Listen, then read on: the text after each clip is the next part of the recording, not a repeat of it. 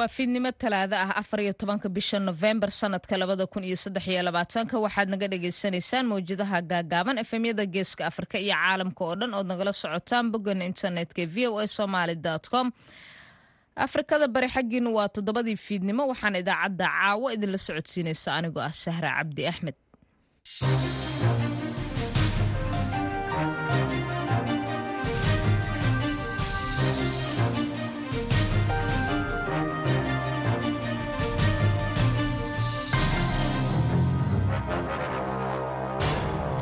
qodobada aad ku maqli doontaan idaacaddeenna caawa iyo dunida ee v o e da waxaa ka mida mucaaradka puntland oo garowe ka soo saaray jadwalka doorashada ee dhinacooda ah xilli ay dowladda puntlandna sheegtay in ay u diyaargarowday qabsoomidda doorasho qof iyo cod ah. Bishii koowaad koob iyo tobankeedii labada kun iyo saddexiyo labaatanka waxaanu la soconnay inay simadii puntland isugu yimaadeen magaalada garoowe ay ka soo saareen guddoon guddoonkaasoo ah inay doorashadu ku dhacdo sidii hore ee lifaaqii uu ku soo bixi jiray baarlamaanadu ee lix iyo lixdanka xildhibaan ay soo xulayeen isimada puntland iyo nabadoonadoodu. Waxaad sidoo kale dhegaysan doontaan maamulka magaalada muqdisho oo sheegay inay wadaan qorshe ay biyo mareenno ugu samaynayaan magaalada khubaro oo runtii isugu jiro ajaanib iyo kuwa soomaali ah. Intaba waan howlgelinay daraasad ayaa laga sameeyey. Shaqadaasina waxaan rajaynaynaa kollow inay bilaabato. Haddana injineerada howlaha guud ee maamul gobolka banaadir waxay ka shaqeeyaan sifaynta dhuumaha si xal ku meel gaar ah ay ugu sii noqoto. Inta laga gaarayo xalka waara hadduu aabaqadaro barnaamijkii amuuraha maraykanka iyo qodobo kale ayaan idiin haynaa balse marka hore ku soo dhowaada warkeennii dunida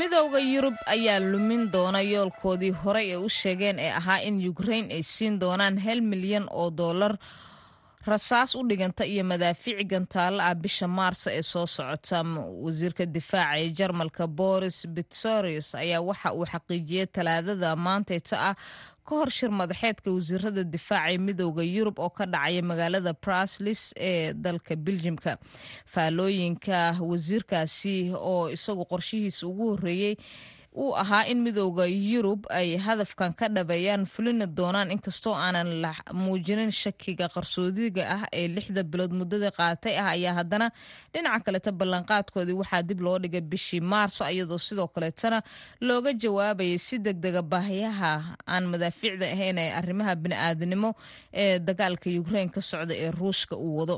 Ballanqaadku waxa uu ahaa ayaa layiri mid qayb ka ah barnaamijka saddex qayboodka ah oo ka koobnaa in lagu xoojiyo saadka hubka yukrain iyadoo sidoo kaletana qaybta koowaad ay ku lug leeyihiin waddamada xubnaha ka ah midowda yurub si ay markaasi qayb uga qaataan kaalintooda ayagana ugu yaraan toddobaatan qof oo rayid ah ayaa waxaa lagu soo waramaya oo ay ku jiraan dad waayeelo ah iyo caruurba in lagu dilay weerar ka dhacay tuulo ku taalla waqooyiga wadanka burkina faso. Horaantii bishan sida bayaan uu soo saaray dacwad ooga dalkaasi a lagu sheegay kooxo aan la aqoonsan ayaa weerar waxa ay ku qaadeen tuulada la yiraahdo zangu oo ku taalla waqooyiga burkina faso. Shantii bishii waa bishan aynu ku guda jirnay novembar halkaasoo ay ku dileen dadka deegaanka ayna markaasi dabqabadsiiyeen hantidii iyo guryahooda.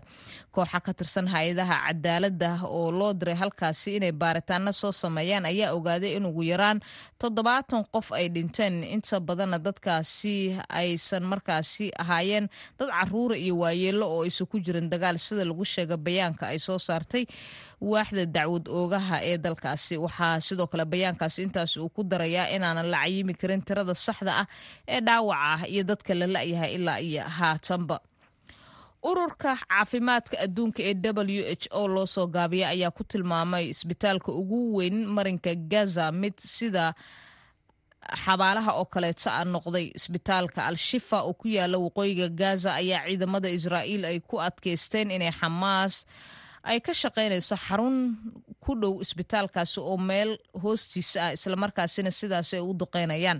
Xamaas iyo maamulka isbitaalka ayaa beeniyey eedeymahaasi. Afhayeenka ururka caafimaadka adduunka christina ledmer ayaa sheegay in ilaa iyo lix boqol oo qof ay weli ku jiraan. Isbitaalka halka qaar kaleetana ay gabaad ka dhigteen waddooyinka isbitaalkaasi aan ka fogeyn. Dhakhaatiirta ayaa sidoo kaleeta sheega iyagoo ka hadlayay in meydadka ay isduldul saaran yihiin oo ay buuxdhaafiyeen isbitaalkaasi. Wakaalada wararka e f b oo soo xiganaysa agaasimaha isbitaalka al-shifa ee gaza maxamed abusalmaaya ayaa waxa uu sheegay in ugu yaraan boqol toddobaatan iyo sagaal meyd ah lagu aasay xabaal wadareed ku yaalla goob uu ku dhex yaalo xaruntaasi caafimaadka isbitaalka. Agaasimaha isbitaalka wuxuu hadalkiisa intaasi ku daray in toddoba caruura ay dhinteen intii ay ku socotay sidoo kaleeta qaliino koronto la'aanta jirta awgeed. Marka laga soo tago isbitaalka al-shifa isbitaalada kaleeto ku yaalla maranka gaza ayaa laga soo sheegayaa dhibaatooyin baahsan oo ay ka mid tahay saadka oo gabowsisi ah iyo koronto la'aan ka dhalatay dagaalada iyo go'doominta israa'iil ay ku soo rogtay maranka gaza. Tan iyo markii xamaas ay bilowday weerarka ay ku qaaday israa'iil toddobadii bishiina dhaaftay ee oktoobar xiisad colaadeed ayaa ka sii daraysa sida la sheegay lubnaan iyo israa'iil dhexdooda ah iyadoo ay sii kordhayso khasaaraha labada dhinac oo soo kala gaaray iyo dagaalka afka ah oo sii hurinaya colaadda dhinacyada oo iyadu halkaasi ka sii socda waxaana dagaalka iyo khilaafkan uu dhexeeyaa israa'iil iyo kooxda xisbullah ee iiraan ay taageerto. Duqeymo ay israa'iil fulisay ayaa laba qof waxa uu ku dilay koonfurta lubnaan isniintii shalayto iyadoo sidoo kaleetana ay soo xiganayso garabka caafimaadka ee xisbiga amaal movement oo iyagu u dhaqdhaqaaqa taabaca taabacsanna xisbullaahi.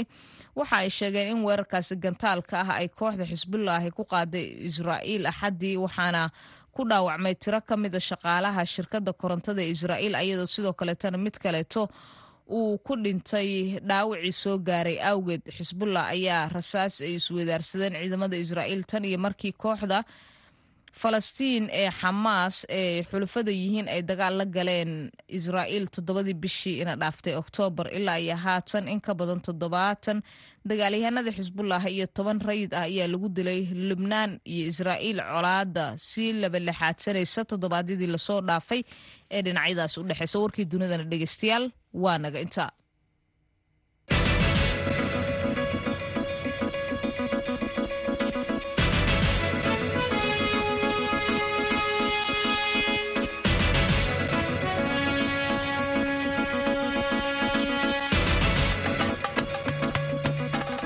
aan ku bilownay wafdi uu hogaaminayo ra'iisul wasaare ku-xigeenka soomaaliya ayaa gaaray magaalada baydhabo. Madaxweynaha maamulka koonfur galbeed cabdicasiis laftagareen ayaana sheegay in dad ay dhinteen kuwo kalena ay barakaceen badina dhibaatooyinkaasi ay ka dhasheen robabkii daadadka waaweyn watay ee dhowaanahan ka jiray gobolka. Wariyaha v o eda mukhtaar maxamed catoosh ayaa warbixintan baydhabo nooga soo diray. Madaxweynaha dowlad goboleedka koonfur galbeed soomaaliya cabdicasiis xasan maxamed laftagareen ayaa magaalada baydhabo kulan kula yeeshay wafdi uu hogaaminayey ra'iisul wasaare ku-xigeenka xukuumadda federaalk soomaaliya saalax axmed jaamac. Wafdiga ra'iisul wasaare ku-xigeenka waxaa qayb ka ahaa saraakiil ka socday hay'adaha samafalka wuxuuna socdaalkooda la xidhiidhay inay ogaadaan xaaladda daadadka oo ay waxyeeladu ka soo gaartay. Dadka ku dhaqan qaar ka mid a degmooyinka koonfur galbeed soomaaliya madaxweynaha koonfur galbeed ayaa wafdiga uga warbixiyey dhibaatooyinka ka dhashay daadadka fatahaadda roobka iyo dadaalada gurmadka loo sameynayo dadka daadadku ay waxyeeleeyeen. Biyihii baa batay roobkii baa batay keliix ma ahan roobka da'aayo. Waxa dadka dhibaateeyey waa biyo meelay ka yimaadeen. Aan la aqooninoo socdaa magaalooyinka dhan soo galay. Magaaladan baydhaba ugu khasaaro badnayd ilaa iyo haddeertaan intaan hubinno oo xogta dhabta ah labaiyo toban qof yaa ku dhimatay kow iyo toban qofna ay rag yihiin halna ay gabar gabadha waxay ahayd dadka baadiyaha deggan caanay keentay magaalada biyihii baa marka yaa hafa xoogga biyaha markii ay dadka qaadaan isla markiiba lama helo meel labaiyo toban kilomitir noo jirta oo inta jidka xamar ah yaa laga soo helaa meydka oo koron roogo la yidhaah ilaa iyo daynuunay iyuu geynaa intuu ka tuuraa saasuu u wadaa. Labaiyo tobankaas qofaa ku dhimatay. Hanti badan waa ku baaba'day gaadiid waa ku baaba'ay guryo waa ku baaba'een. Dad tabar daran oo aad u dhibaataysan guryahoodii waa ku burbureen waa ka soo qaxeen oo ma joogaan hadda biyaa galay.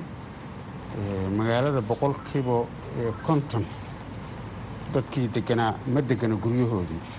Biyihii baa weli dhex fadhiyo ilaa iyo inta u joogo.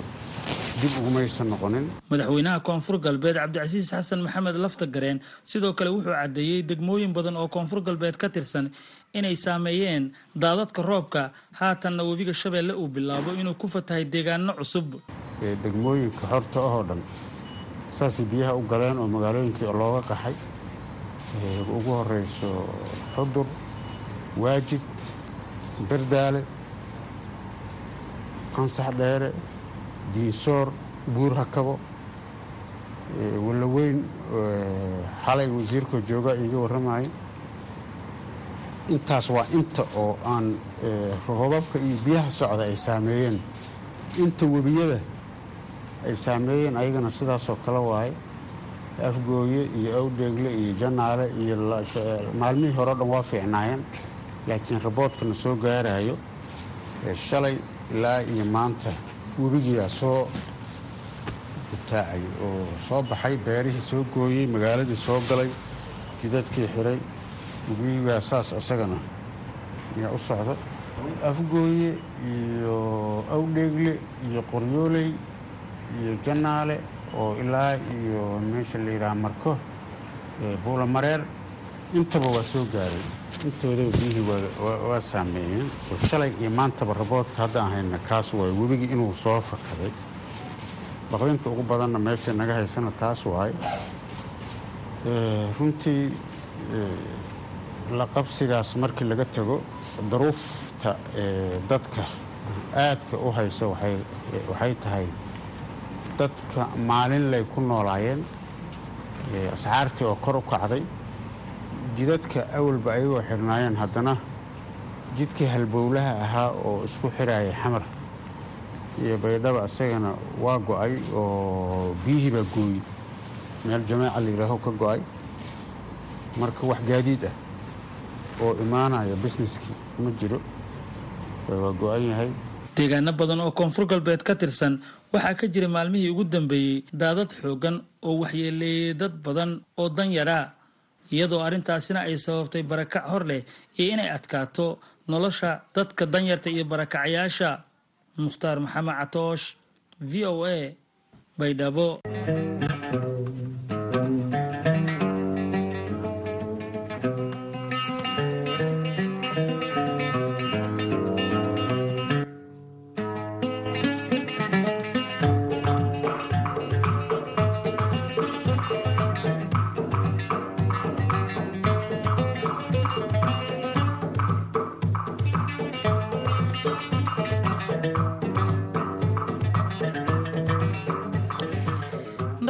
mareykanka jo biden iyo dhigiisa dalka shiinaha shi jipin ayaa arbacada beri ah waxa ay kulmi doonaan ayaga oo markaasi si gaar ah isku arki doona inta uu socdo shir madaxeedka waddamada asia bacifiga loo yaqaano dalka siyaasada dadka falanqeeya ayaa sheegaya in durbaba isbeddel weyn laga dareemayo kulankooda balse labada madaxweyne ee kulmaya ay muhiimad u leedahay kulankoodaasi bil gaalo ayaa warbixintan ka soo diray siyool waxaase soo jeedinaysa sahre ciidla nuur marka ay joe biden iyo shin jiping kulmaan toddobaadkan oo noqonaysa markii ugu horreysay muddo sannada waxaa jira xaalad aan la dafiri karin. Saraakiisha maraykanku waxay sheegeen in ujeedada ugu weyn ee shirmadaxeedkani ay tahay in labada dhinac ay wada hadlaan. Maraykanku wuxuu rabaa in uu hubiyo inaanay xiisadani isku rogin colaad ka dhex qaraxda labada dal. Diyaarad dagaal oo shiinuhu leeyahay ayaa u soo dhowaatay islamarkaana rasaas ku furtay meel u dhow diyaarad dagaal oo maraykanku leeyahay oo ku sugan badda loo yaqaano bariga china bishii julaay ayna dhaaftay. War ka soo baxay bentagonka ayaa lagu sheegay in ku dhowaad laba boqol oo dhacdo oo sidaasi ahi ay dhex mareen labadii sannadood ee la soo dhaafay. Bishii janawarina buufin dhinaca shiinaha ka timi ayaa dul hehaabaysay dhulweynaha maraykanka. Diyaarad maraykanku leeyahay ayaa ugu dambeyntiina toogatay buufintaasi oo dul maraysay xeebaha gobolka south carolina. Haddase xaaladdu waxay u muuqataa mid xasiloon. Madaxweynaha shiinuhu wuxuu qaabilay wufuud badan oo maraykana waxaanu halkaasi ka sheegay inuu si niyad samila uga hadlayo xidhiidhka labada dal. Mar uu arrimahaasi ka hadlayeyna waxa uu sheegay I have said many times, including to several presidents, that we have a thousand reasons to improve China-US relations. marar badan ayaan sheegnay iyadoo ay joogaan dhowr madaxweyne. Inaannu haysanno kun sababood oo ay tahay in lagu hagaajiyo xidhiirka shiinaha iyo maraykanka. Laakiin ma jirto sabab qura oo ay tahay inaannu culowno. Cadaadisyada gudaha dalkaasi ka jira ayaa keenay diblomaasiyadda dabacsan ee shin jinbin ee xilligan geesta kale wixii ka dambeeyey covid sagaal iyo toban. Koboca dhaqaale ee china ayaa aada u hooseeya intii hore amaba intii la filayey inuu gaadho xilligan oo kale. Amanda hasayo oo falanqaysa arrimaha siyaasadda ee china ayaa sheegtay in dalka china lagu tiriyo mar kastaba inuu la safto amaba xulufo la yahay waddamada kalitariska maadaama oo aanu isaguba nidaamka dimuquraadiga ah ku dhaqmin.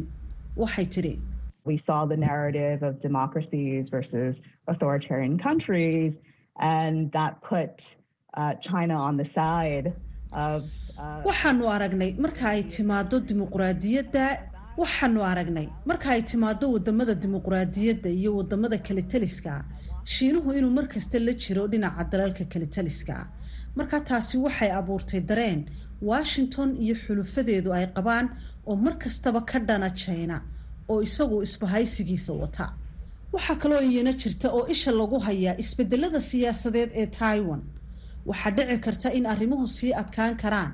Codbixinta soo socota ee taiwan waxay keeni kartaa in dib loo doorto dowladda shakiga weyn ka qabtaa beijing. Maraykankuna uu markasta taageero dimuquraadiyadda taiwan warbixintii bill gallo uu soo diray oo sahre cidla nuur ay soo jeedinaysa ayay taasi ahayd. Dhinaca kalena madaxweynaha indonesia jako widodo oo ah madaxweynaha wadanka ugu muslimiinta badan dunida ayaa isniintii shalayta ah. Aqalka cad waxa uu kula kulmay madaxweynaha maraykanka joe biden waxa uuna soo gaarsiiyey fariin uu ka waday konton iyo toddobo dowladood oo dunida muslimka ah taasi oo ay kaga dalbanayaan in uu cadaadiyo israa'iil xabajoojinna laga hirgeliyo gaza. Wariyaha v o eda uga soo warantay aqalka cad ayaa batsy wadaguuskar ayaa warbixintan soo dirtay. Waxaase soo jeedinaya xuseen barre aadan. Iyadoo israa'iil ay ballaadhinayso howlgalkeeda dhulka ayna sii wado duqaymaha cirka ah ee ay ka wado khaza ayaa fariin ku socota madaxweynaha maraykanka joe biden oo ka kala socota toddoba iyo kontonka dal ee muslimka ah ayuu madaxweynaha indonesia jako widodo u gudbiyey aqalka cad isniintii Indonesia appeal to the US to do more to stop the atrocities in Gaza. induneeshiya waxay ugu baaqaysaa maraykanka inuu la yimaado dadaal badan si loo joojiyo xasuuqa khaza xabajoojintuna waa arrin waajib ah oo bani aadnimadu ayna farayso. Madaxweynaha induneisiya waxa uu soo bandhigay qaraar ka soo baxay shirmadaxeedka degdega ah ee ururka iskaashiga islaamka oo ka dhacay magaalada riyaad ee dalka sacuudiga dhammaadka toddobaadkan. Qaraarka ayaa diiday in israa'iil ay cudurdaar u hesho falalka ay ka wado khaza iyada oo ku andacoonaysa isdifaacid war-saxaafadeedka dalalka iskaashiga islaamka ayaa lagu dalbaday in si deg dega loo joojiyo dagaalka iyo hubka laga iibinayo israa'iil lana kordhiyo helitaanka gargaarka bini'aadantinimo. Biden ayaa sheegay liiska danaha guud ee uu kala hadlayo madaxweynaha induneisiya oo ay ku jiraan wadahadallo ku saabsan macdanta muhiimka ah. Induneisiya ayaa waxa ay leedahay kaydka ugu weyn adduunka ee macdanta nikelka waxaana ay aada u danaynaysaa inay gasho warshadaha bayteriyada soo saara ee baabuurta korontada ku shaqeeya ee maraykanka sidoo kale waxaa ka mid ah xoojinta adeegsiga tamarta nadiifta ah si loola dagaalamo dhibaatada cimilada iyo iskaashiga amniga badda. Biden ma soo hadal qaadin khaza halkaasoo in ka badan koob iyo toban kun oo qof ay ku dhinteen duqaymaha israa'iil tan iyo weerarkii xamaas toddobadii oktoobar waxaana arrintaasi ka hadlay la taliyaha amniga qaranka jake sullivan On many issues, they will agree wholeheartedly. In fact, they'll make significant progress. On other issues, they will have different perspectives. President Widodo's position on the conflict in Gaza is well known. So is President Biden's. waxaan ka hadlaynaa sidii aan sare ugu qaadi lahayn xiriirkeenna si aan u bilowno heerka ugu sarreeya ee iskaashiga kaasoo ah iskaashi istaraatiijiyadeed oo dhammaystiran. Kadib booqashadiisa washington madaxweynaha induneisiya waxa uu tegi doonaa magaalada san francisco ee dalkan maraykanka si uga qayb galo shirka iskaashiga dhaqaalaha aasiya iyo basifika ee uu maraykanku martigeliyey. Biden ayaa lagu wadaa inuu la kulmo madaxweynaha shiinaha shi jinping oo isagoo ka qaybgalaya shir madaxeedka ka dhacaya san francisco. Saraakiisha ayaa sheegay in biden uu aad u danaynayo inuu isticmaalo wadahadalka widodo si ugu sheego aragtida gobolka ee ku aadan arrintaasi warbixintii wariyaha v o eda betsy wadakuswarah oo uu soo jeedinayay xuseen barre aadan ayay taasi ahayd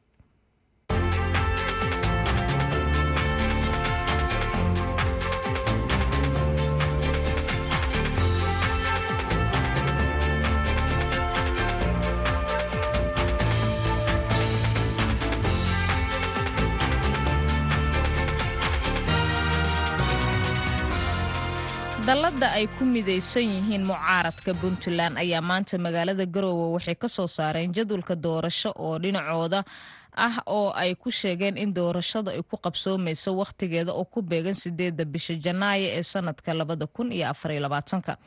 Arrintan ayaa ku soo beegmaysa xili maamulka puntland uu maanta mar kaleeto ku celiyey in dhammaan ay u diyaarsan yihiin farsamooyinkii lagu qaban lahaa doorashada qofka iyo codka ah. Wariyaha v o eda yuusuf maxamuud yuusuf ayaa warbixintan ka soo diray magaalada boosaaso dalladan oo ay ku midaysan yihiin mucaaradka puntland ayaa shaaciyey jadwal doorasho oo ay ka maqan tahay maamulka talada haya taasoo ah mid hal dhinac ah oo mucaaradka ku kooban. Shir jaraa'id ay ku qabteen mucaaradka magaalada garowe waxay ku shaaciyeen jadwalkii doorasho ee madaxtinimada ee puntland sanadka taasoo ku dhacda wakhtigeeda. Mucaaradka ayaa sheegay in gundhiga ay ka dhiganayaan go'aamadii ay soo saareen qaar ka mid a isimada dhaqanka puntland oo mar horeba sheegay in doorashada wakhtigeeda ay ku dhici doonto dalladda mucaaradka puntland waxaa gundhig ay ka dhiganaysaa guddoonkii isimada puntland kuna taariikhaysnaa bishii koowaad koob iyo tobankeedii labada kun iyo saddex labaatanka. Waxaanu la soconay inay isimadii puntland isugu yimaadeen magaalada garoowe ay ka soo saareen guddoon guddoonkaasoo ah inay doorashadu ku dhacdo. Sidii hore ee lifaaqii uu ku soo bixi jiray baarlamaanadu ee lix iyo lixdanka xildhibaan ay soo xulayeen isimada puntland iyo nabadoonadoodu. Taas ayaa ayay isimadu markii dambena gundhigooda aha go'aanka ay soo saareen. Afhayeenka dalladda mucaaradka puntland cabdiraxmaan dhoore ayaa sheegay in kowda diseembar ay soo saari doonaan magacaabis ku aadan guddiga xalinta khilaafaadka doorashada. Halka soddon iyo kowda diseembarna ay shaacin doonaan xildhibaanada cusub ee baarlamanka puntland kuwaasoo ku yimaada habka saxiixa odayaasha dhaqanka. Docda kale waxa uu sheegay in doorashada madaxtinimo ee puntland madaxweynaha iyo weliba madaxweyne ku-xigeenka la soo dooran doono sideeda janaayo sanadka sidii ay horey u ahaan jidhay magacaabista guddiga xalinta khilaafaadka sida caadadu ahayd disembar awalkeeda la xuli jira laakiin halkan waxaa ku mudaysan in ay dhici doonto kowda disembar qabashada dukumentiyada xildhibaanada cusub. Xildhibaanada cusub waa shanta bisha ilaa shan iyo labaatanka disembar oo ah xildhibaanadii la soo xulay ay beelahoodu soo xusheen. Guddigu waxay araajida ka guddoomi doontaa insha allahu tacaala shanta bisha waxayna ku ekaan doontaa ilaa shan iyo labaatanka disembar shaacinta liiska xildhibaanada cusub koob iyo soddonka disembar weeye marka shanta ugu dambeysa casho waxay kala hufi doonaan. Lixda casho ugu dambeysa xildhibaanada iyo siday u kala khilaafoodkooda u saari doonaan. Iyo xalintooda koob iyo soddonka disembar waxaa la soo la soo dayn doonaa liiska xildhibaanada cusub ee afar iyo labaatanka ilaa sagaal iyo labaatanka. Dhaarinta xildhibaanada cusub waxay noqonaysaa kowda january. Doorashada guddoonka golaha wakiiladuna wuxuu noqon doonaa afarta january doorashada madaxweynaha iyo madaxweyne ku-xigeenkuna waxay noqon doontaa january. Dhanka kale wasiirka wasaaradda warfaafinta puntland maxamuud caydi dirir ayaa adkeeyey jadwalka doorasho oo ay horey u soo saareen guddiga doorashooyinka puntland ee beeg oo ahaa in bisha febraayo la qabto doorasho isi saaran oo ah xildhibaanada iyo weliba madaxtinimada puntland ee sanadka cusub. Isagoona sheegay in dhammaan ay u diyaarsan yihiin farsamooyinkii lagu qaban lahaa doorashadaasi oo ah mid qof iyo cod ah doorashada qaybtii ugu dambeysay baynu ku jirnaa boqolkii toddobaatan waan soo qabanay. Soddon baa inoo hadhay waad la socotaanoo beek oo ah hay'adda u qaabilsan. Doorashooyinka puntland waa inoo dhisan tahay. Waxaa kaloo inoo dhisan inay muddeeyeen xilliga doorashadu ay dhicayso ay yidhaaheen doorashadu dhici doontaa shan iyo labaatanka bisha february. Taa macnaheedu waxaa weeyaan wax kasta oo doorasho lagu geli lahaa oo kale waa inoo dhammaystiran yihiin. Jadwalka beeg waxaa ku jira in wacyigelina iyo in diiwaangelina in la furi doono si loo ballaadhiyo ka qaybgalka dadkii markii hore ciyaar ciyaar moodayey doorasho qof iyo coda oo golaha deegaanka in la qaban doono oo aan oo ka qoomamaynaya inaan isdiiwaan si ay isu diiwaangeliyaan insha allah diiwaangelinta la furi doonaa iyo wacyigelinta oo isku xiga. Kadibna waxaan aadi doonaa insha allah doorasho loo dhan yahay oo dadweyne oo madaxda dalka xukumaysa la soo doorto madaxweyne madaxweyne ku-xigeen shirgudoonka baarlamaanka la soo doorto. Halkaas ayaynu maraynaa looma baahna markaa bulaan kale iyo khalkhal kale. Isku soo wada duuba puntland ayaa weli ku jira jahwareer siyaasadeed oo ku aadan doorashada madaxtinimo ee puntland. Dowladda ayaa ku adkaysanaysa inay qabanayso doorasho qof iyo cod ah oo shacabka ay soo dooran doonaan xildhibaanada iyo weliba madaxweynaha iyo weliba madaxweyne ku-xigeenka oo ku yimaada doorasho qof iyo cod. Halka mucaaradkana ay ka biyadiidan yihiin taas oo ay doonayaan in doorashadu ay ku dhacdo sidii horey ugu dhici jiray maadaama aan laga gaarin sida ay dhaheen doorasho qof iyo wakhtigeeda yuusuf maxamuud v o e boosaaso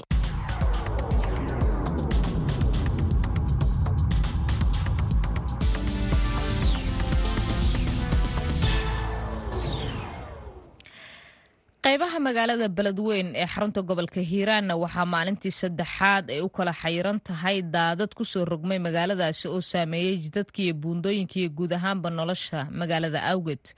Sida uu ku soo waramayo wariyaha v o eda xuseen xasan dhaqane oo warbixintan ka soo dira halkaasi. Dadka beledweyne ayaa wajahaya dhibaato midii ugu cusleed oo ay kala kulmaan taariikhda inta la ogyahay fatahaad uu ku sameeyey webiga shabeelle biyaha daadka ayaa habeen walba sare u sii kacaya taasoo xaaladda ku sii adkaysay dadka magaalada ku harsan. Waxaa istaagay dhaqdhaqaaqii magaalada ka jiray sida ganacsiga iyo waxbarashada. Waxaa halis ku jira inay go'aan buundooyinka xaafadaha magaalada la isaga gudbo sida buundaweyn iyo liiqliiqate xawliga biyaha maraya awgii. Boosteeye isaaq waxaay ka mid tahay dadka ku harsan magaalada. Waxay ka waramaysaa xaaladda sida ay tahay. Ilmaha waxay saaranyihin meelka hore saaran yihiin dabaqaasmuslimdriskana siiyeenaan saaranahay. Biyii waa ka soo baxnay. Laba sariiroo iskor saar biyii way ka sii sara mareen. Alxamdu rabbi caalamiin wuxuu ilaah keena mahad waaye. Wallahi alxamdulillah waanoo jeediin meesha ganacsanayna wax ku karsanayna ku cunayna waanoo jeediin kolley. Wallaahi magaalada waxa ugu bixi weyna iska baxmaa meesha. Qarash ugu weerartaa meesha adagaysa bixi kartaa teedhay ka rabtaa wixii dad awood ilaah wad iska le waxaa waaye waxaa taala maar. Jaabka nin haystaa bixi karo. Anaga wax jaab ku haysana ma alxamdulilah waa biyi ugu horrey biibax intaan joogo beledweyne saaji todobana arkay biyo cabuligay ma arkay waa saa'id biyahana haddii soo laabtaa ma kale wallahi waa nafta loo yaabaabo. Wallahi alxamdulilah qofna wuu cabaa qofna ma cabi karo qofna ma haysta qofna waa ka cabaa nasiib waay. Burkaas iyo biyaha ishaasaa meesha wataa waana ku dhex karsanaa waa iska dhex cunnaa. Wallahi alxamdulilah dadka magaalada ku haray waxaa ka mid ah kuwa xilli habeen ah ay biyaha u soo galeen waxaana ay doonayeen inay bannaanka u baxaan laakiin dhaqaalaha waa uu saamixi waayey.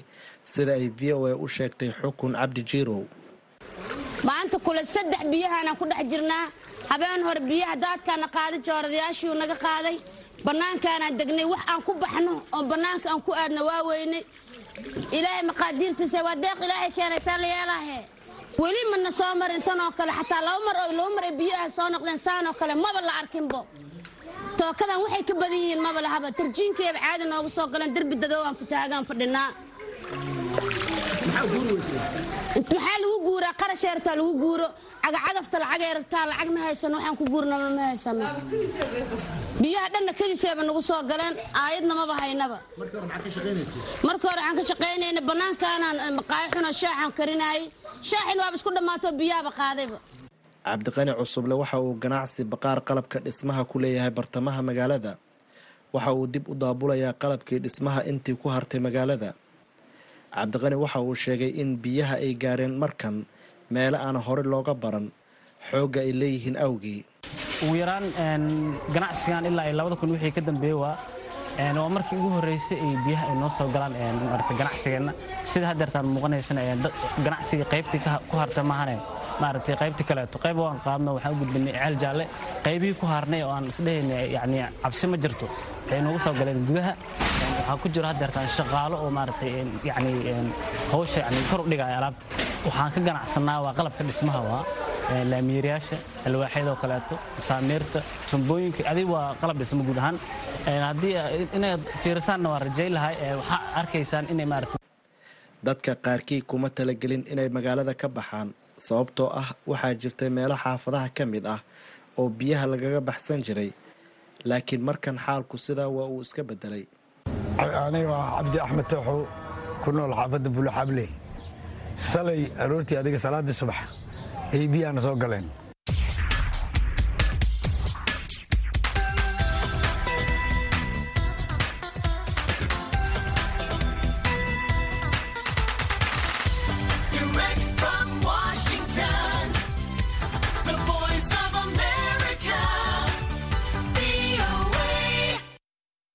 wanaagsan dhegaystayaal ku soo dhowaada barnaamijka cawiijka radhaab kaasoo idinkaga imaanaya la'aanta afka soomaaliga ee v o a radio xeryaha dhadhaab abeysku waa barnaamij ka sheekeynaya nolosha qaxootiga si toosna aan soo gudbinayno xeryaha qaxootiga dhadhaab ee gobolka waqooyi bari barnaamijka toddobaad walba waxaan ku soo qaadanaa labada mawduuc ay ugu hadaleynta badan yihiin bulshada ku nool xeryaha qaxootiga iyadoo dhegeystayaasheena dhadhaab iyo deegaanada ku xiran ay si toosan uga dhegaysan karaan. Idaacadda f m-ka v o eda dhadhaab ee ka soo gasha hal eber lix dhibic todoba megahartis barnaamijkeena caawa qodobada aad ku maqli doontaanna waxaa ka mid noqon doonaa qaxooti muruqmaal ah oo ku nool xeryaha dhadhaab ayaa dowladda kenya ka codsaday in loo sii daayo kareetooyin ama gaardameero ay sheegeen in looga xayiray deegaanka kulan ee degmada dhadhaab sidoo kale barnaamijka waxaa qayb ka ah gaadiilyada qaxootiga ah ee ka shaqeeya gudaha xeryaha ayaa ka warbixiyey saameynta ay ku yeesheen roobab ka da'ay gobolka shaqooyinkooda iyadoo bulshada qaxootiga ay sheegeen inay muhiim tahay in xil iska saaro hagaajinta waddooyinka ku yaalla gudaha xeryaha kamar xubintii shakhsiga oo toddobaadkan marti ku yahay maxamed cabdulaahi axmed oo gabay ka tiriyey dhibaatooyinka haysta soomaalida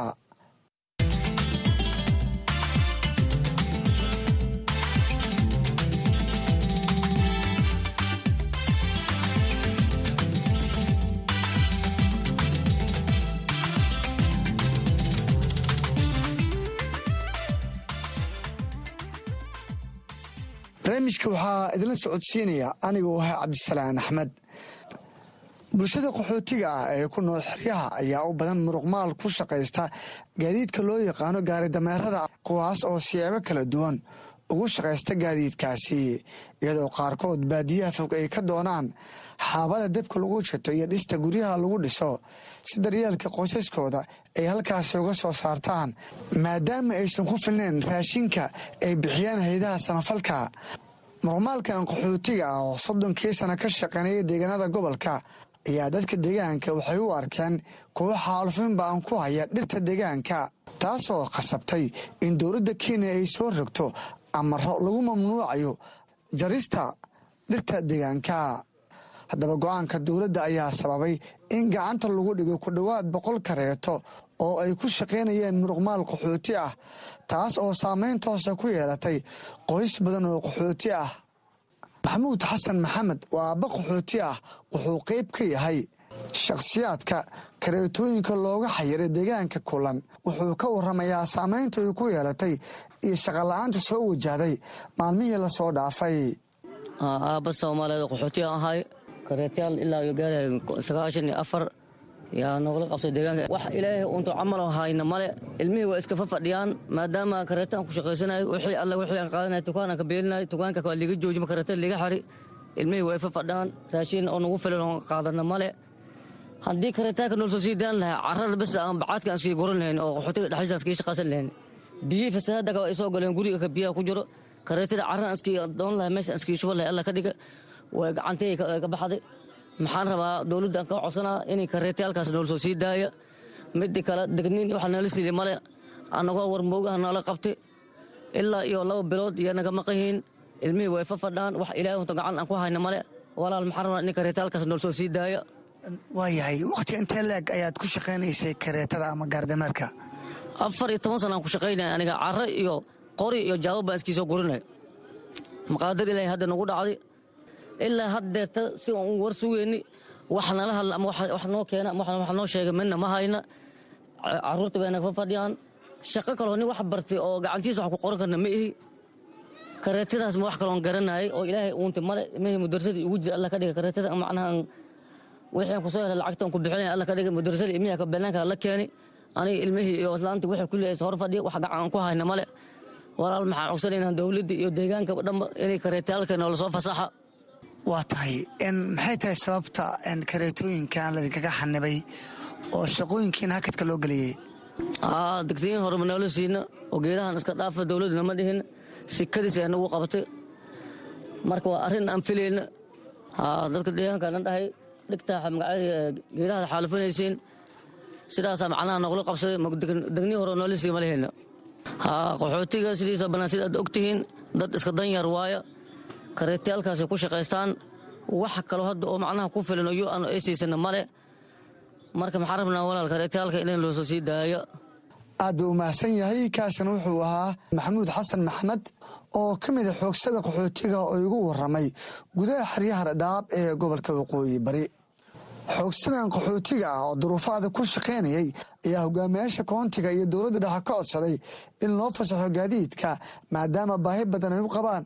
Iyadoo odayaashan qaarkood danta ku qasabtay inay karaystaan kareetooyin kale si ay halgan ugu galaan biilasha caruurtooda. In badanaa muruqmaal ahay oo bahalladan ku xamaalanay haddana dhibaato fara badanaa naga soo wajahday laba bilood waa nagala haastaa waxaan hadda u shaqaystaa oo labadan maalmood oo roobka daay. Carruurta aan ku rereebtaa nina aan darisnahay oo halka leh yaan maalinna asaga ugu xamaalaa maalinna anaa ku xamaalana. Sidaasaa meeshaasaa ila gashay laba kareetana waan lahay. Marka dhibaato haddee sidaa unbay ahaan kartaa oo nin kareeto dad leeyahay maalinna ninkii kale ugu xamaalaya maalinna anig ku xamaalanay oo carro ku guraya weliba wax kale maaha marka walaalyaalow dhibkaas waa jiraa. Waxaan koobi karno ma aha. Marka dhex jiifi karo wixii aabbow aabbow caanaay ku leeyihiin. Intee ka keeni adi madadaa dhici waddamaa geli waaye? Waxaan samaynaa wallaahi aan garan la'nahay. Hadda waxaa ila gashay in kareeto dadleey intaan soo wato. Maalinna ani ku shaqaysto maalinna asaga aan ugu shaqeeyo. Sidaasoyda carruurta xabadda caanaha aan ugu raadiyo. Reerka intiisa kale moordi iyo qashinaa la iska karsanaya dameeraha lacagaan ku haysanay geedahaan ku guranayna qoryahaan ku guranayna geed waaba la diiday. Diyaar baan u nahay. Marka carradaas iyo keer waxaana kaga xamaalan laha wixiina gacan nooguma jiraan nolol weyn ay noo ahayn wax la koobi kar maaha. Noloshooda wax la koobi kar baabuurtaas ragga wata iyo annaga seemseema ahayn. Oo waxaan ku haysanno wax la koobi kar marka waxaan ka codsanaynaa walaalayaalow kareetayihii sidaan ku heli lahayn walaalihiinaan nahay carruurtii lahayd waa bi ahaayaan. Haddee laba soomaali inay soomaali kuwaas dhiban marna uma aana qabin ani. Dameerihiina siiya walaalayaalow carruurta waa baahan yihiin. Marka waxaan ka codsanaynaa dowladda kenya in ay wax nooga qabato carruurtii caana la'aan baa u biihayaan u n wax lagama qaato qaable ilmaha waa ugu xamaalanayne waxaan idinka codsanaynaa carraba aan ku guranne xaababa aan ku guranne keerba aan kaga xamaalanne. Geedkii hadduu caqabad noqtay in aad na siisaan kareetayihii noola soo daayo oo wax noola qabto carruurta caana la'aana u biihayaan dhibaato inteeda la egaa meesha ka jirtaa sagaashan iyo afar kareeto waaye. Sagaashan afartaasoyda labaan kala yahay aniga marka intii aabboo laheed saaka waxay ku sugan yihiin ilaahay macbuudkaah umbaa sheegi karaa un waa tahay kareetooyinkan halkee baa laga qabtay? Deegaan ahaan kulan iyo libooyo laba dhexdooda ay ka xamaalanayeen marka waa la soo kaxeeyey xerada kulan ay ku xariisan yihiin. Marka wixii ama ka samranana lama laha waa la iska haastaa wax jawaab oo haynana mala. Dadkii lahayna waa ba'ay haayaa oo dhibaato inteeda la egu qabaa wax gargaar uu ku haastana ma laha. Ninba ninkii kale oo dariskiisa ahay yuu maanta la nool yahay.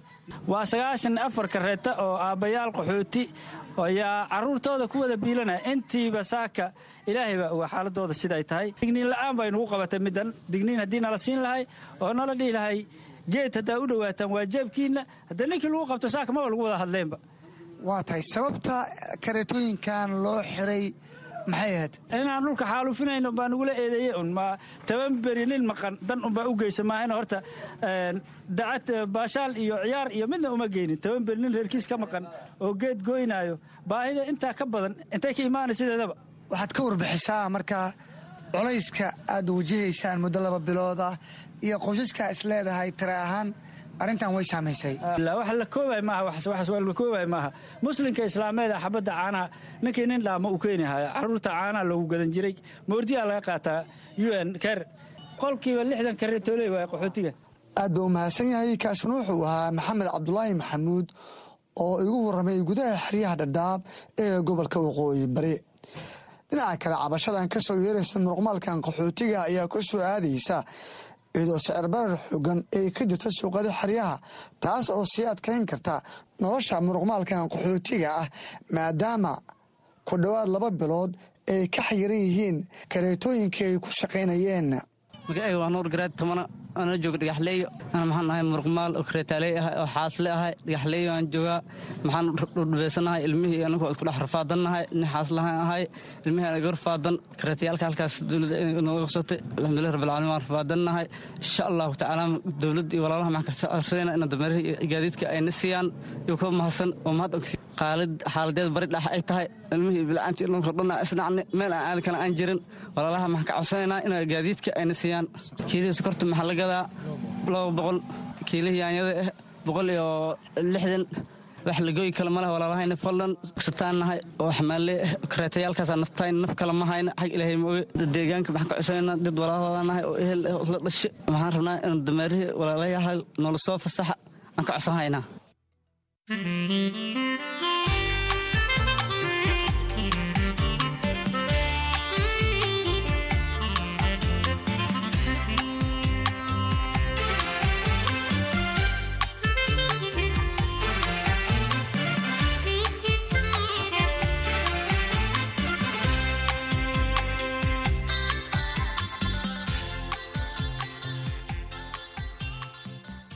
waa hagaag waxaan ku jirnaa qaybihii dhexe ee barnaamijka waxaa idinku soo maqan warar kale oo xiise oo ku aadan isla wararka qaxootiga balse iminka aadinku wareejiyo. Saaxiibkay axmed cabdulaahi jaamac oo stuudiyaha igula sugan si uu noogu soo tabiyo barnaamijka qaybihiisa kale.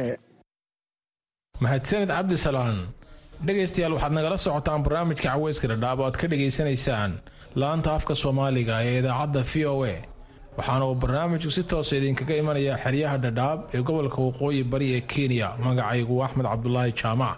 Ku soo dhowaada warbixinno kale oo la xiriira nolosha dadka ku nool xeryaha qaxootiga oo qayb ka ah barnaamijka caweyska dhadhaab ee toddobaadkan. Waxaa ka mid a qodobada aad ku maqli doontaan xubintii shaqsiga oo toddobaadkan uu marti noogu yahay.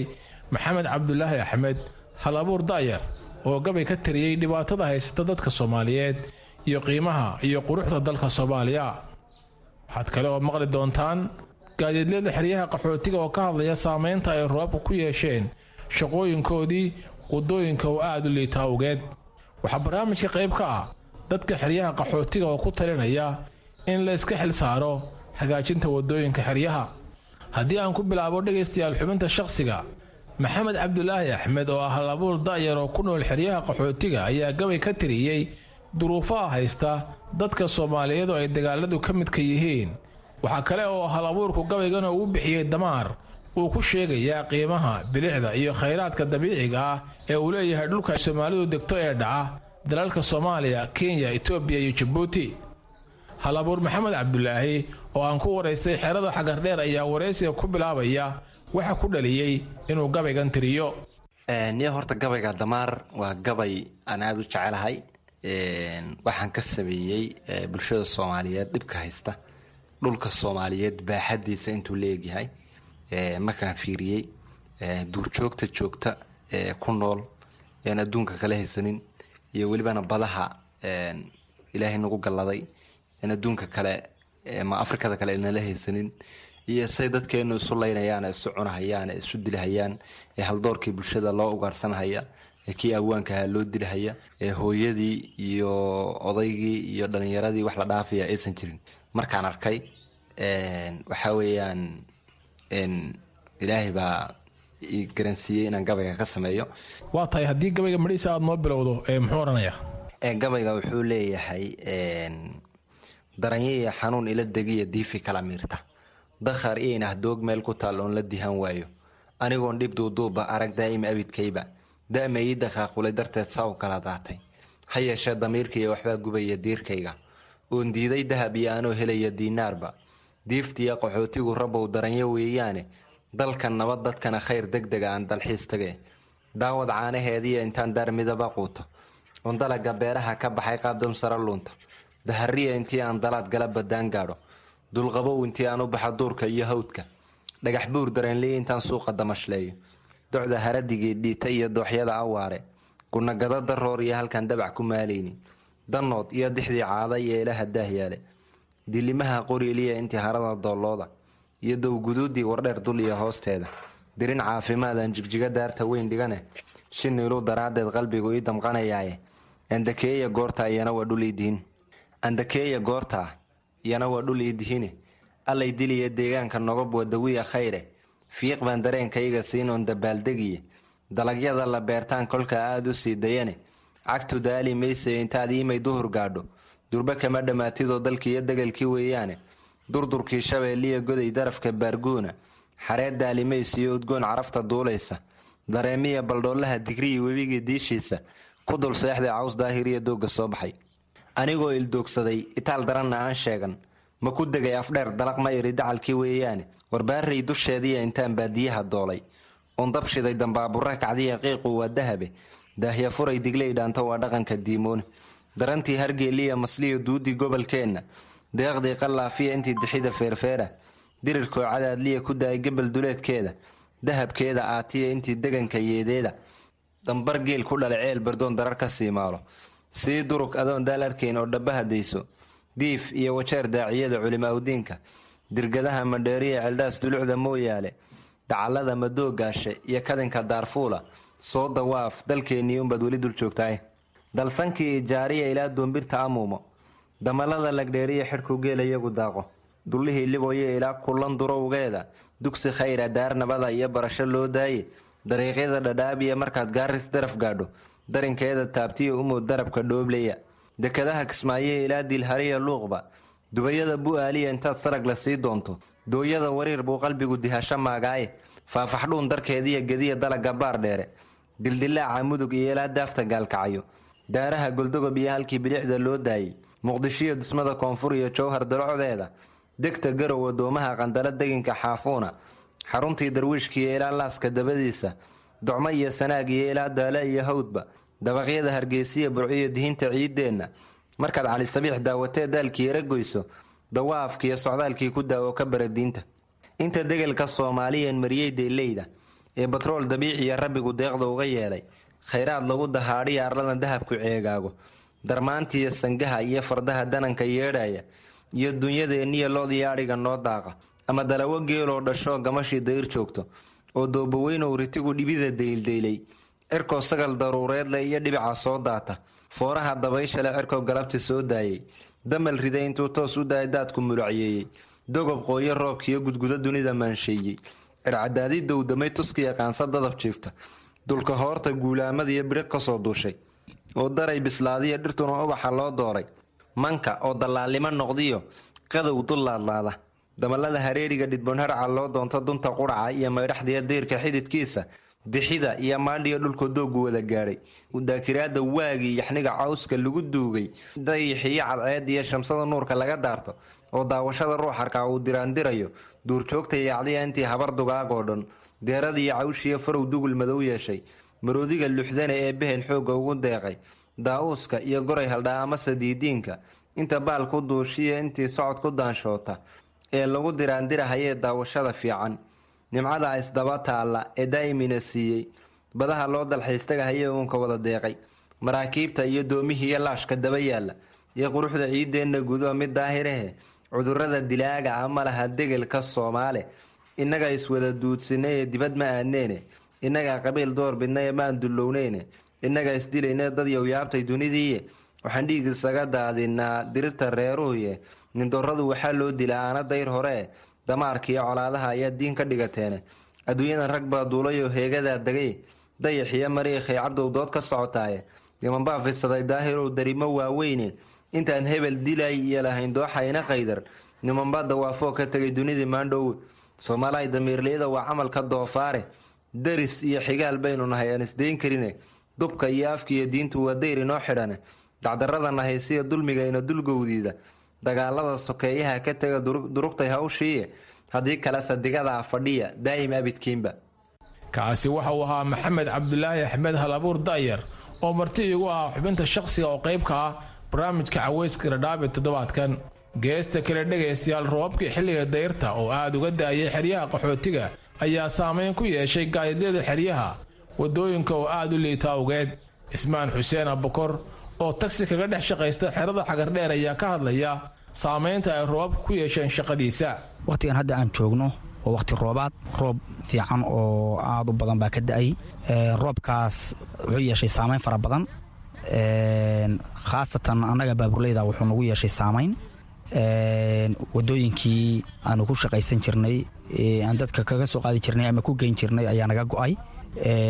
Jidadkao dhan biyaha yaalla baabuurta aan wadanaana waa baabuur mataqaanaa u jilicsan biyaha iyo mataqaanaa jidka aan dee wanaagsanayn. Intaba maarta u jilicsan saas laajiligeed waxay nugu samaysay waxay nugu yeelatay saamayn.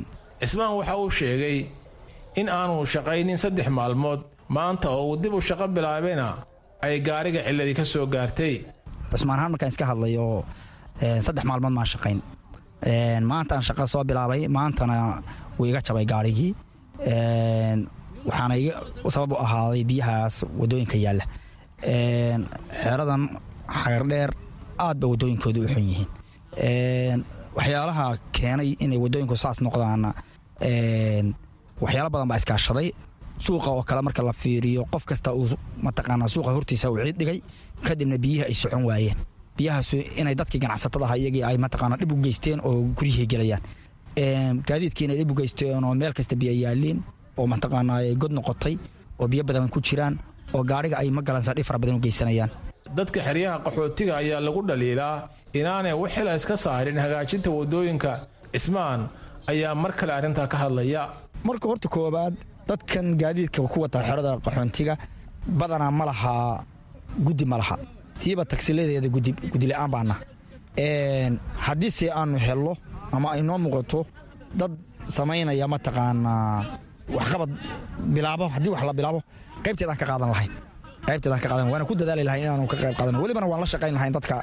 Waxa weeyaan keena arrintaas. Cabdulqaadir deerow sayax oo ka mid ah tagaasilada xeryaha qaxootiga ayaa sheegay in sababta ay u shaqayn la'yihiin ay tahay biyaha waddooyinka fadhiya oo cillad u geysanaya baabuurta iyo iyaga oo aan awoodin inay baabuurta dib u dayactiraan oo ay dib u hagaajiyaan marka niyow aad iyo aad. Arrintaa iyada waa arrin aad iyo aad xogo caqabad nagu ah caqabadna noo keentay.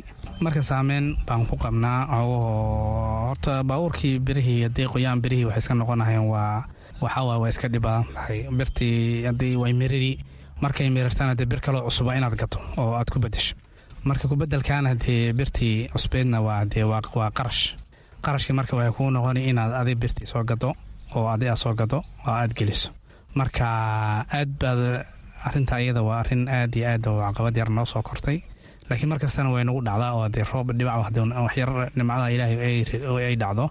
Maxamed cabdulaahi cali oo ka mid a waxqaradka xeryaha qaxootiga ayaa ku talinaya in dadku ay iskaashi sameeyaan si wax looga qabto loona hagaajiyo waddooyinka burbursan waxaan kaloo dilaa dadka inay silqaaman rabaa waxaa waye ciddan xeel uma maqnaa cid uma qodon waay dadka jeebkooda inay yakaysa aruuriyaan silqaaman baa la rabaa. Qof hadduna silqaamin oon maganaysa wixiisa asaga u hagaajisan cid ku hagaajinaysa ma laha. Cid looga fadhiyana ma laha. Dee farkii la faalma marto laakiin hawshan waxay u baahan tahay in maganaysa isxilqaan iyo maganaysa is waxqabad iyo nin walba jeebkiisii wixii ku jira dee waagoodu ka bixiyo baa wax lagu qaban karaa iskaashata ma ku fitay wadajirka wax ku gooyaan laakiin hadday lagu daaya aljaal baa jeemanka ama dadka nin walba ku fiirsado adan cidna umaanaysa hayadada ku hagaajinayso ama ku wax qabanaysa ma laha. Waa in adiga isxilqaanto adigu jeebkaada ku xisaabtanto ka bacdina dee quraanjo ururta meel cawaajida in hawshii la qabsan baan aniga ku baaqaya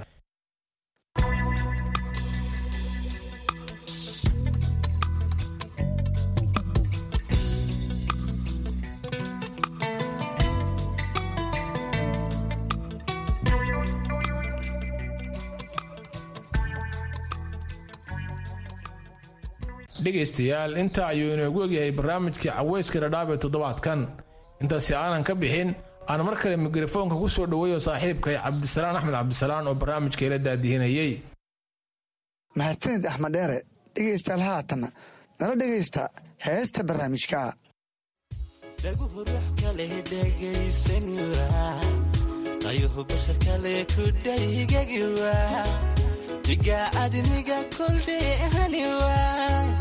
qoraxda dhalatana kuwagidhigiwa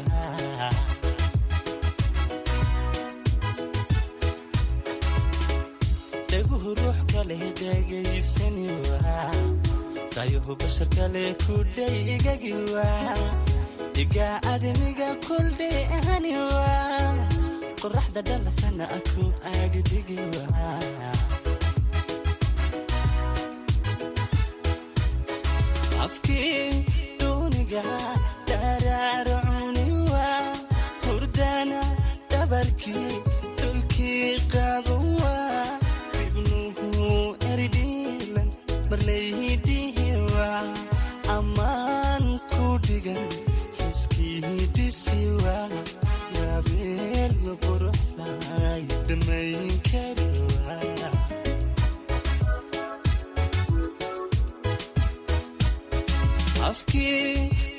duuniga dharaarcuni waa hurdana dhabarkii dhulkii qaban waa ibnuhu herdhiilan dhammaydhihi waa ammaan ku dhigan xiskii dhisi waa gabeel quruxlay dhammayn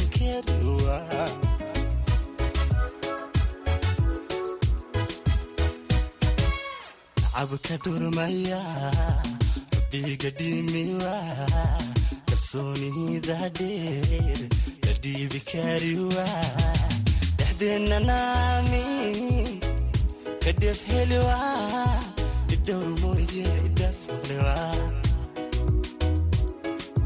jacayl dhaxalgala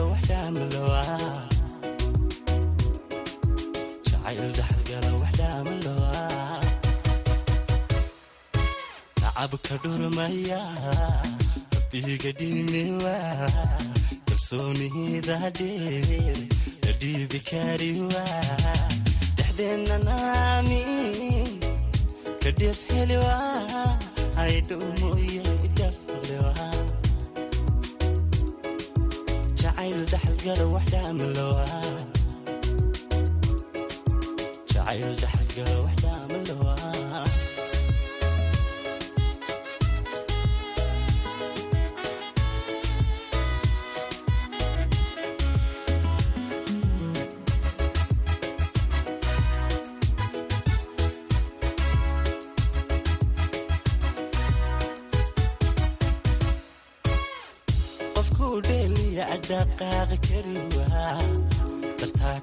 dhiman dhanka amari waa naftii dhakhtar kale marnaba adhayi waa awoodnaha dharisani isdhiib ulan waa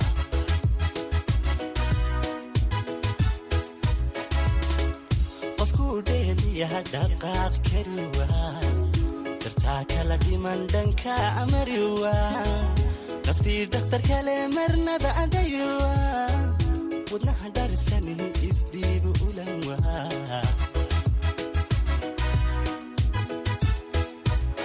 dhaqanka jiilkana u dhaadhici waa dediga idilkood dhalaal bibi waa xiskii kula dhacay u dhabageli waa si ay dhagaxin lcaatasiwa cishqiga dhaylka ku dheeljiliwa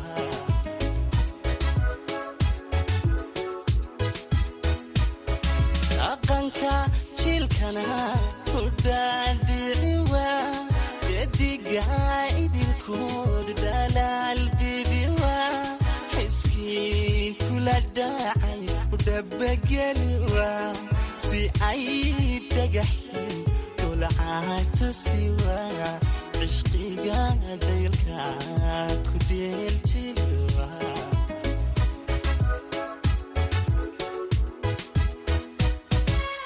cabka dhurmaya rabbiga dhimiwa kalsoonida dheer la dhiibi kariwa dhexdeenna naami ka dheef heliwa idhowr mooye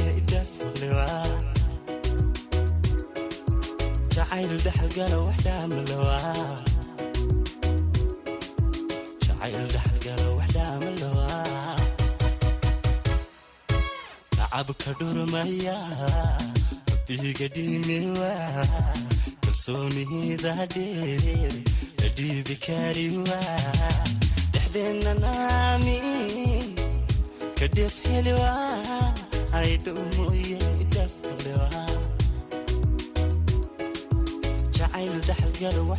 guudaan dhegeystayaal barnaamijka caweyska toddobaadka halkaas ayaan ku soo afmeerayaa barnaamijka waxaa idiin soo tabinayay anigoo cabdisalaan salas iyo saaxiibkay axmed dheere tan iyo toddobaadka dambe intaa dib u kulmi doono